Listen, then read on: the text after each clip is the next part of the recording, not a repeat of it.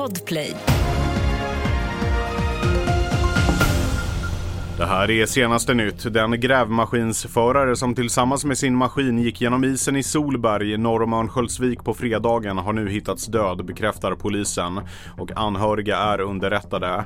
Dykare från både polisen och kustbevakningen har deltagit i sökandet som fortsatte under lördagen och föraren hittades vid halv två-tiden. Maskinen gick genom isen i samband med ett arbete inför skogsavverkning. Den avlidne är en ung man.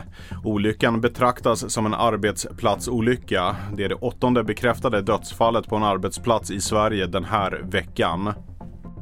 Det råder betydande lavinfara i Funäsdalen, Hemavan, Kittelfjäll och Åre. Vilket innebär farliga förhållanden och det krävs inte mycket för att en skidåkare ska utlösa ett snötäcke. Även spontana laviner kan förekomma.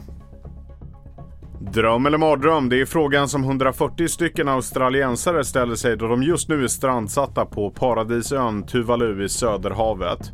Landningsbanan på turistparadisets enda flygplats har nämligen regnat bort och alla flyg har ställts in på obestämd tid.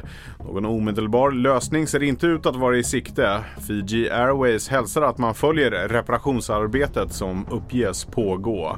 Mer nyheter hittar du på tv4.se.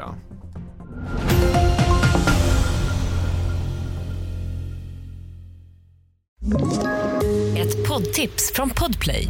I fallen jag aldrig glömmer djupdyker Hasse Aro i arbetet bakom några av Sveriges mest uppseendeväckande brottsutredningar. Går vi in med hemlig telefonavlyssning och, och då upplever vi att vi får en total förändring av hans beteende. Vad är det som händer nu? Vem är det som läcker? Och så säger han att jag är kriminell, jag har varit kriminell i hela mitt liv men att mörda ett barn, där går min gräns. Nya säsongen av Fallen jag aldrig glömmer på Podplay.